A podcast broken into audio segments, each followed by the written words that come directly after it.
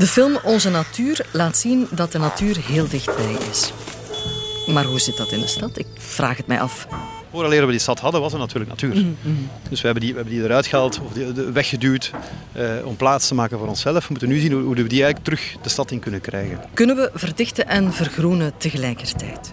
Mijn vraag is gewoon de bomen die we geplant hebben, hoe, hoe gaan die het doen binnen 20 of binnen 50 jaar? En vergroenen is één ding, rust en stilte creëren is een andere zaak. Als ik hier ga stappen, ik ga mijn voetstappen op het grind horen, ik ga mijn ademhaling ho- horen, wat ook een soort rust geeft. Maar het blijft een feit dat we binnenkort met z'n allen in de stad zullen wonen. Hoe moet dat dan?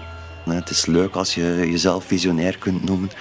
Het was beter geweest als we ernaar gehandeld hadden in de tijd. Waren we nu beter af? Zoals dat we onlangs een bericht kregen in de media ehm, dat er een groene long gecreëerd was waar naar schatting zeven bomen geplant waren. En dan spraken we over een groene long.